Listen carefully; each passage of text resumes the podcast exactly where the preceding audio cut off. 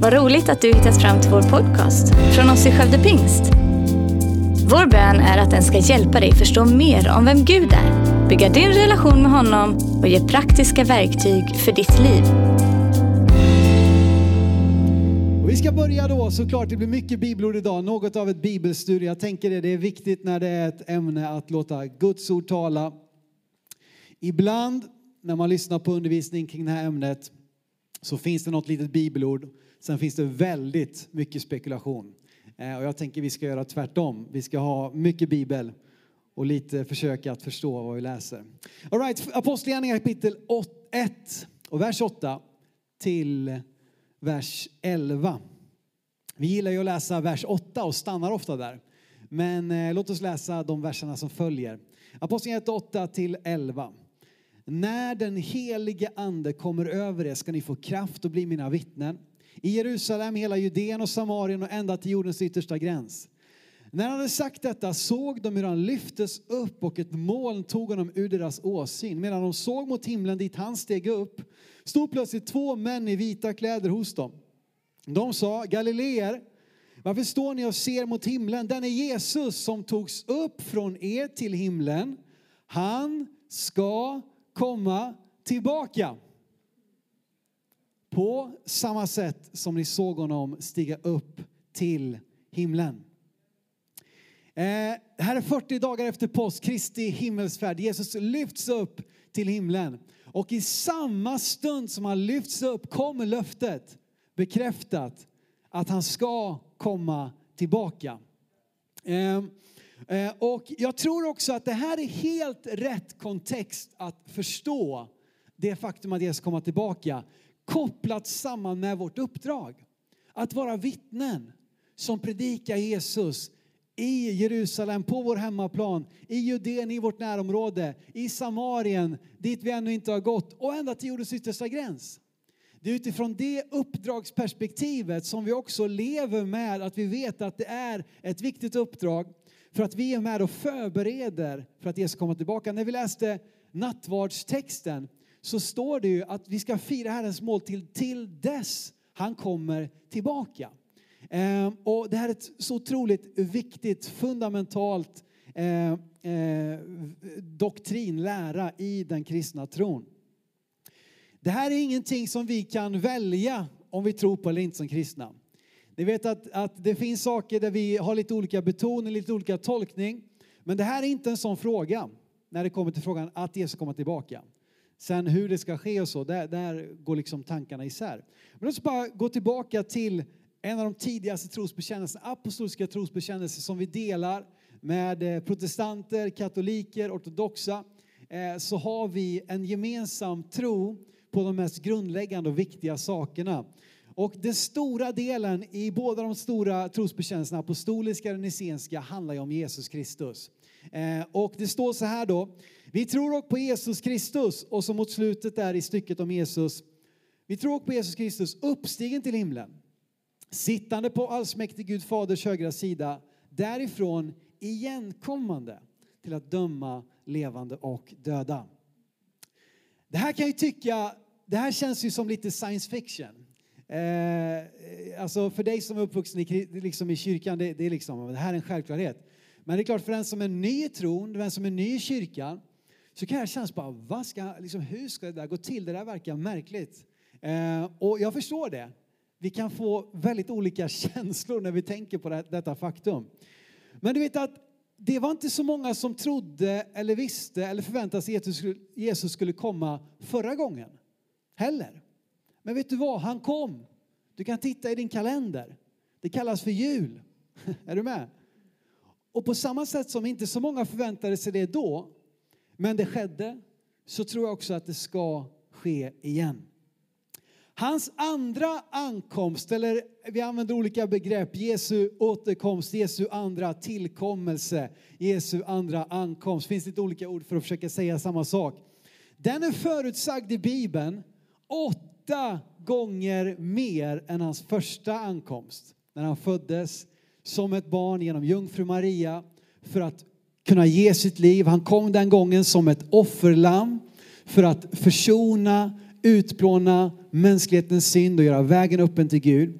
Eh, men han ska komma tillbaka denna gången som en kung och som en domare. Eh, och det, den andra tillkommelsen är förutsagd åtta gånger mer än hans första ankomst. 1845 gånger, det är inte jag som har räknat nu. Så många gånger talar Bibeln om Jesu andra ankomst. 1845 gånger.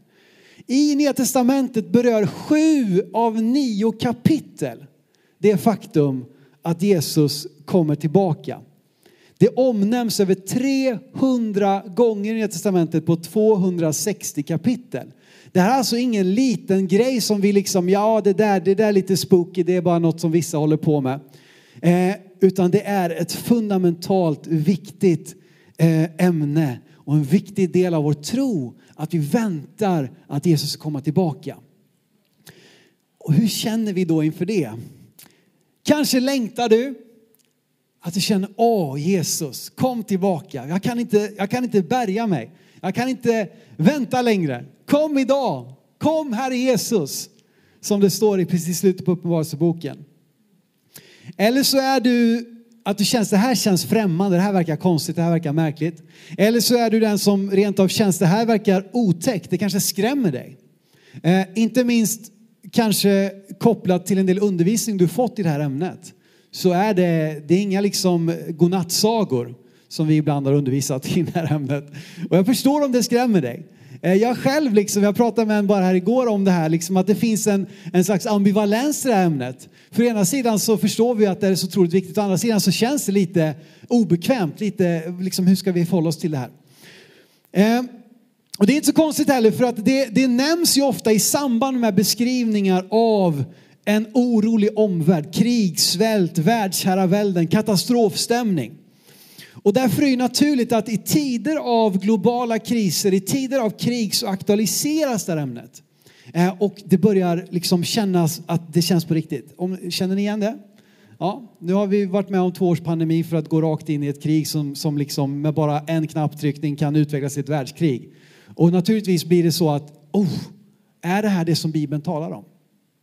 Eh, och, eh, eh och då är det ju så också att när det här sker, genom hela pandemin, så har jag gått och tänkt på detta och titt som tätt blivit länkad diverse Youtube-predikningar och diverse Facebook-inlägg som är som sagt liksom mer eller mindre spekulativa och mer eller mindre grundade i Guds ord. Eh, där det, där det finns ett, ett, ett, liksom, ja, ett, ett sammelsurium kan man säga av teorier kring allt detta. Och jag känner mig väldigt ödmjuk inför detta. Ehm, och eh, det som är sant är att Guds ord är sant. Men det som är sant är att vi predikanter gör inte alltid Guds ord rättvisa. Och därför behöver vi ha en ödmjukhet inför detta. Jakobsbrev 3 och 1 säger så här att inte många av er bör bli lärare. Ni vet ju att vi ska få en strängare dom. Och därför är jag ödmjuk inför detta ämne. Därför tror jag också vi ska vara lite försiktiga med att slå fast saker som Bibeln inte är så tydlig med. Eh, men vara frimodiga i det som Bibeln är tydlig med. Men den sista tiden har jag ändå känt att det nu är dags. Och jag har gått och tänkt på det här. Nej, men, alltså, det är nog dags ändå att ta mig an det här lite utmaningen. Och jag gick och tänkte på detta, jag berättade förra veckan. Eh, så gick jag och tänkte, ja men det är nog dags nu. Och jag var nere i tvättstugan, jag bytt blöja på Ted. Eh, och så släppte jag ner honom på, på golvet och där utanför har vi vår bokhylla med hundratals böcker. Eh, och jag tänkte inte så, jag gick, det kanske är så att jag ändå ska liksom ta mig an den utmaningen och försöka undervisa om detta. Och in kommer Ted springandes med den här boken som, som heter Jesus kommer av Levi Petrus. Utgiven i november 1912.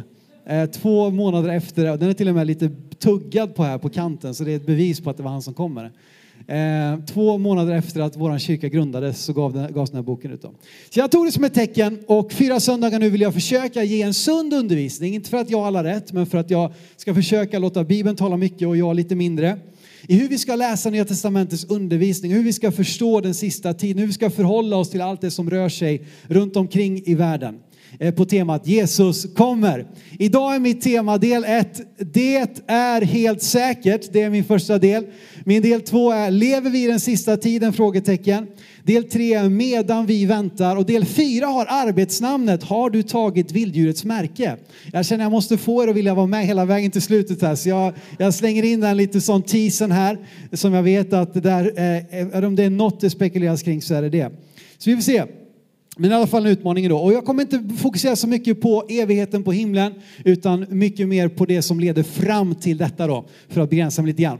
Alright, men idag är min rubrik Det är helt säkert.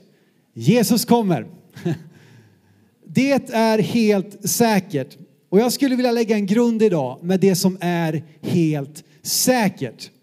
Därför att det som Bibeln talar mycket om, det borde vi tala mycket om. Det som Bibeln talar lite om, det borde vi kanske tala lite mindre om med lite större ödmjukhet. Ehm, och det viktigaste och främsta av allt, det är just detta, Jesus ska komma tillbaka. Vi har redan läst bibelord om det och vi har konstaterat att det är väl omtalat. Oavsett hur vi känner inför det så är det ett fundament i den kristna tron. Jesus ska komma tillbaka, det är det första vi vet helt säkert. Nummer två, vad vi vet helt säkert är att vi vet inte dagen. Eh, det är en stor röd flagga när någon blir alltför beslutsam kring att veta nu händer det, nu sker det, nu har vi gått in i den här tiden, nu är det bara tre år kvar, nu är det sju år kvar och inom den här livs, livslängden. Vi kan, ha, vi, kan, vi kan ha den förväntan, men den förväntan har kristna levt med ända sedan de första lärjungarna. De spekulerade i om Johannes skulle leva till dess Jesus kom tillbaka. Eh, i, i, liksom, så att den här förväntan, den har levt, kristna levt med genom alla år. Vi ska läsa ett par bibelord bara. Jesu undervisning eh, ska vi fokusera på. Eh, vi ska få två bibelord här. Mark, Matteus kapitel 24. Eh, och Jesus undervisar ju långt och mycket om detta ämne. Ehm, och inte minst i nästan hela Matteus 24 så håller han ett av sina längsta tal på detta tema. Ehm, från vers 42 och vers till vers 44. Nu bläddrar jag för långt här. Ehm, var därför vakna, för ni vet inte vilken dag er Herre kommer. Men det förstår ni att om husägaren visste när på, tjuv, när på natten tjuven kom, då hade han hållit sig vaken och inte låtit någon bryta sig in i hans hus. Var därför beredda också ni. För i en stund när ni inte väntade kommer Människosonen. Markus kapitel 13, Jesu undervisning än en gång. Och här så gör han det också väldigt tydligt. Ehm, från vers 32. Men den dagen eller stunden känner ingen. Inte änglarna i himlen, inte ens sonen, ingen utom fadern. Var på er vakt och håll er vakna, för ni vet inte när tiden är inne. Som jag sa, redan de första lärjungarna levde med en förväntan att Jesus kommer tillbaka i vår tid. De tittade på romarriket och kunde dra stora likheter med den undervisning som Jesus gav och det som sedan Johannes i Uppenbarelseboken ger. De kände igen de här sakerna de läste om. Förstod, det här talar till oss idag. Vi förväntar oss, Jesus kommer när som helst. Det står ju gång på gång, se jag kommer snart. Ja men det, sa ju, det skrevs ju för 2000 år sedan. Ändå läser vi det ofta just i vår tid och säger, ja men det är nu det är snart. Ja, men det har man, så har man läst det ända sedan det första århundradet. Jesus kommer snart. Vi vet inte dagen. Lika tydligt som att Jesus ska komma tillbaka, lika tydlig är Bibeln med att vi inte vet dagen. Så låt oss vara väldigt ödmjuka och låt oss sätta upp en varningsflagga när vi blir för bergsäkra på det. X antal personer genom historien har förutsagt antingen exakta datum eller år eller perioder. Jag menar år 2000 var ju länge en riktig sån eh, favorit, liksom lågoddsare. Ja men år 2000, då kommer Jesus komma tillbaka. Vet du? Då kommer världens system att krascha och då kommer han att komma. Och, och, och, du vet, genom alla tider har det funnits de som har slagit fast att nu sker det, nu sker det inom dens eh, livslängd, eh, innan det året har kommit. Men han har ännu inte kommit. Eh, så vi vet inte dagen. Men vi blir inte förvånade. Det är viktigt. Eftersom att Bibeln förbereder oss. Det verkar vara viktigt, eftersom att Jesus undervisar så mycket om det, Nya testamentet är så fullt av det, så verkar det vara viktigt att vi ska liksom vara förberedda. Vi behöver inte bli förvånade, vi känner igen. Det som är förutsättningarna för att Jesus ska komma tillbaka. Låt oss läsa igen då. Vi är kvar i Markus kapitel 13 och backar upp några versar. Eh, när, precis innan han har sagt att ingen vet dagen och stunden så säger Jesus det här i vers 28. Lär av en jämförelse med fikonträdet. Redan när kvisten blir mjuk och bladen spricker ut vet ni att sommaren är nära. På samma sätt vet ni, när ni ser allt detta hända, att han är nära och står för dörren. Eh, och det här kan man ju dra och välja slutsats. Ja, men det är när fikonen eh, blir mogna, det är då Jesus kommer. Jag tror inte det är det som är poängen. Jag tror det är en poäng av att vi ska lära oss känna igen. Vi förstår, okej, okay, fikonträdet, det håller på nu. Nu, har, nu finns det kart, vi ser det kommer en skörd. På samma sätt tror jag att vi ska kunna förstå och känna igen vad som händer och vad som rör sig och därför inte vara förvånade över att Jesus kommer tillbaka när det sker. Men än en gång så har kristna genom alla tider levt med samma förväntan att vi ser saker runt omkring oss som tyder på att Jesus snart ska komma tillbaka. Och därför så har man en förväntan på det, man blir inte förvånade. Första Thessalonikerbrevet, Paulus undervisar eh, och, och, och inne på samma sak kring att vi inte ska bli förvånade. Ifrån kapitel 5 står det så här i de fyra första verserna, vi ska stanna vid vers 4. När det gäller tider och stunder bröder behöver vi inte skriva till er. Ni vet själva mycket väl att Herrens dag kommer som en tjuv om natten. När folk säger fred och trygghet, då drabbar undergången dem lika plötsligt som verkarna hos en kvinna som ska föda och de slipper inte undan. Men ni bröder lever inte i mörker så att den dagen kan överraska er som en tjuv. Alltså vi blir inte förvånade Eh, Nya Testamentet ger oss nycklar för att förstå vad som sker runt omkring oss, för att förstå vad som är av Gud, vad som, är, vad som tillhör Guds rike och vad som är i konflikt med Guds rike. Det är det jag tror framförallt undervisningen den sista tiden lär oss, att inte tillåta liksom, eh, den här världen att liksom påverka våra liv, påverka våra val, påverka vår teologi, påverka vår livsstil. Utan hålla oss vakna och nyktra så att vi lever i Jesu efterföljd. Så att vi lever med fokus på uppdraget att människor ska få möta Jesus. Och inte tillåter liksom antikrists ande, det som är av den här världen, vara det som styr och dikterar och influerar och påverkar oss som kristna. Eh, men mer om det nästa söndag. All right. Eh, och eh, därför så behöver vi inte heller oroa oss över det som händer och inte heller bli förvånade. Alltså jag tänker så här att jag tror inte vi ska bli förvånade när, saker, när vi får de här olika buden.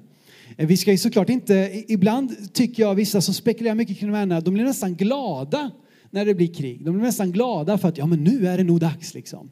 Som att det är någon slags film, man sitter där med popcorn och liksom laddar upp. Ja, nu är det nog den här, oh, det vi har läst och liksom är i Danielsboken och allt möjligt. Det är helt fel förhållningssätt. Vi ska ha en nöd. Men vi ska förstå att det här kommer ske. Vi har inte evigheten på oss utan det finns ett allvar.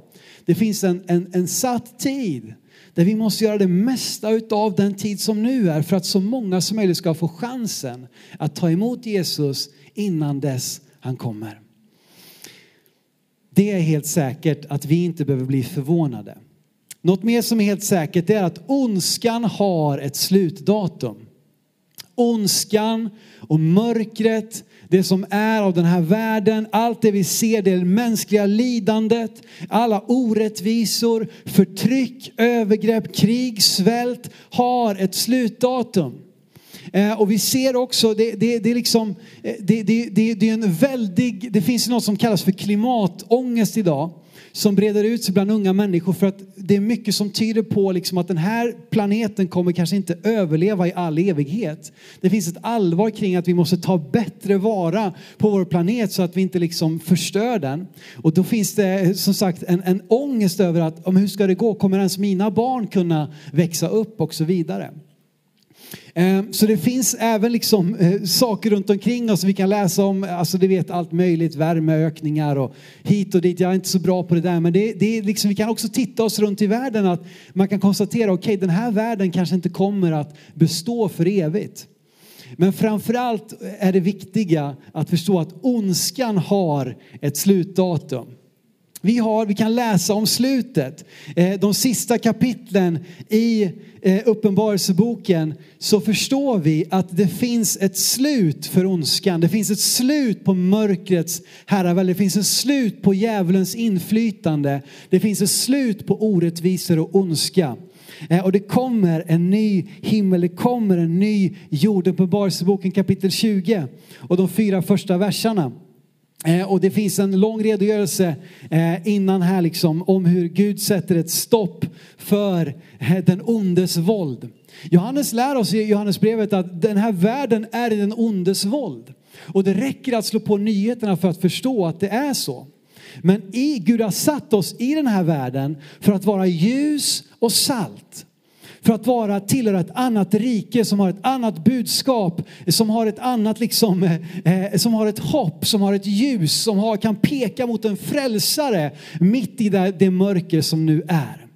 Uppenbarelsebok kapitel 20, första fyra verserna står det. Jag såg en ängel komma ner från himlen med nyckeln till avgrunden och en stor kedja i handen. Han grep draken, den gamle ormen som är djävulen och Satan och band honom för tusen år. Sedan kastade ängeln honom i avgrunden och stängde och förseglade den över honom för att han inte mer skulle förleda folken förrän de tusen åren nått sitt slut.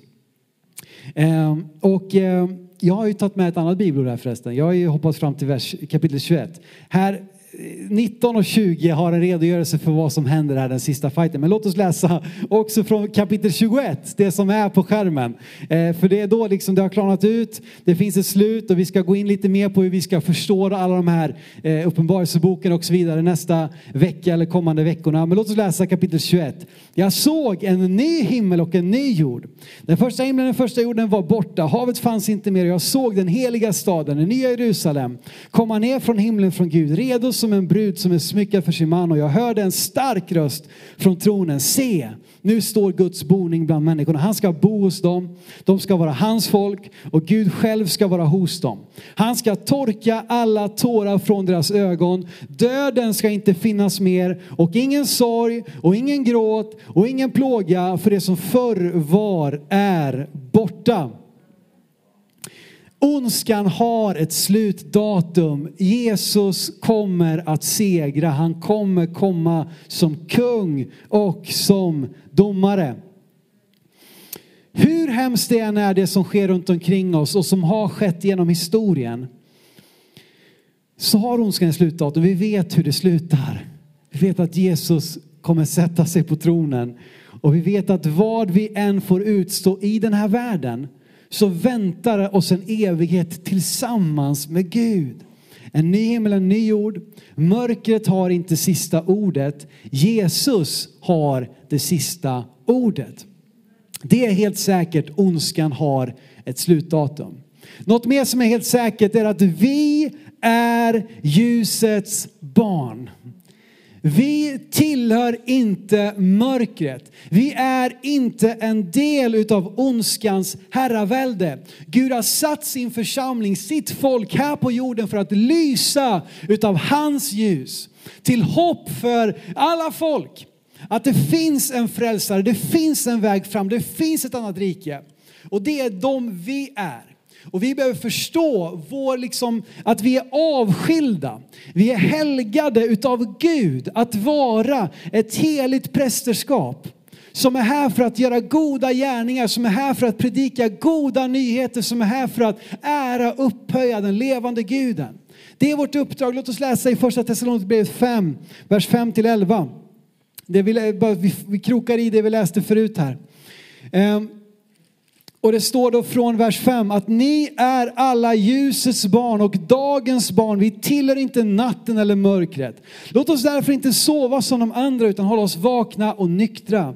De som sover, det sover om natten och de som berusar sig är berusade om natten. Men vi som tillhör dagen ska vara nyktra, iföra tron och kärleken som rustning och hoppet om frälsning som hjälm. Gud har inte bestämt oss till att drabbas av vredesdomen utan till att vinna frälsning genom vår Herre Jesus Kristus. Han har dött för oss för att vi ska leva med honom, vare sig vi är vakna eller insomnade.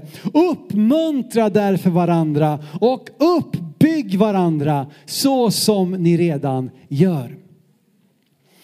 Vi behöver förstå och kunna avslöja vad som är av Gud och vad som inte är av Gud så att vi också förstår vilka vi är.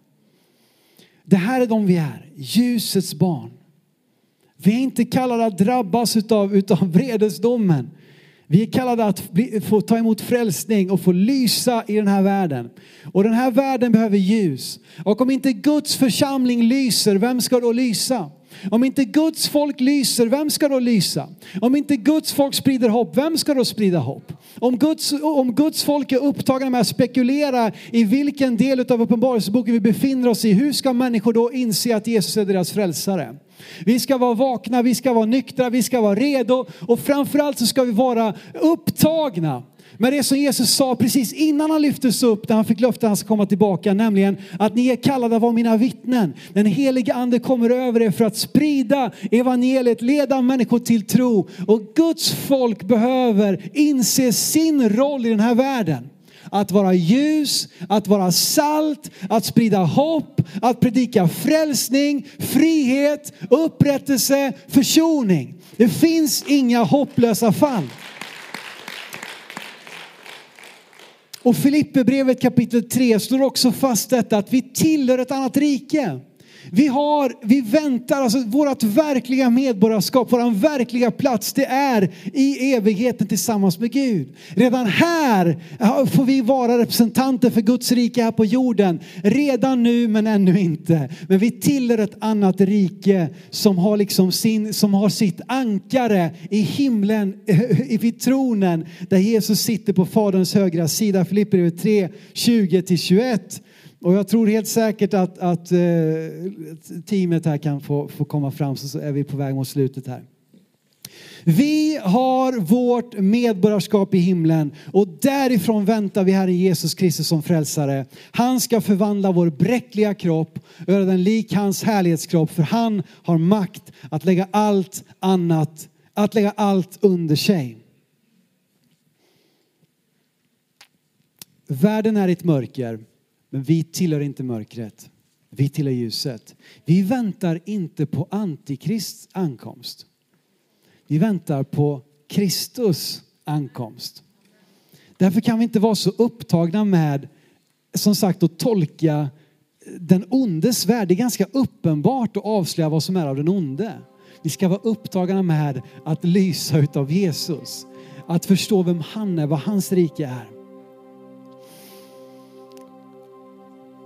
Och vetskapen om allt det hemska som händer, som har hänt och som kommer att hända. Det ger oss också ett fokus. Ett fokus. Vi har inte tid att vänta med att börja leva för Gud. Vi har inte tid med att skjuta upp våra beslut att följa Jesus. Vi har inte tid med att vara upptagna med inomkyrkliga gräl och konflikter och splittringar. Vi behöver enas i uppdraget att predika och förkunna evangeliet med frimodighet som ljusets barn. Och låt oss bara läsa till sist återigen från första Thessalonikerbrevet. Och det här är en sån, alltså det här är en sån avgörande grej med hur vi ska förhålla oss till det faktum att Jesus kommer, det som är helt säkert. Vi ska läsa första Thessalonikerbrevet kapitel 4, vers 16 till 18.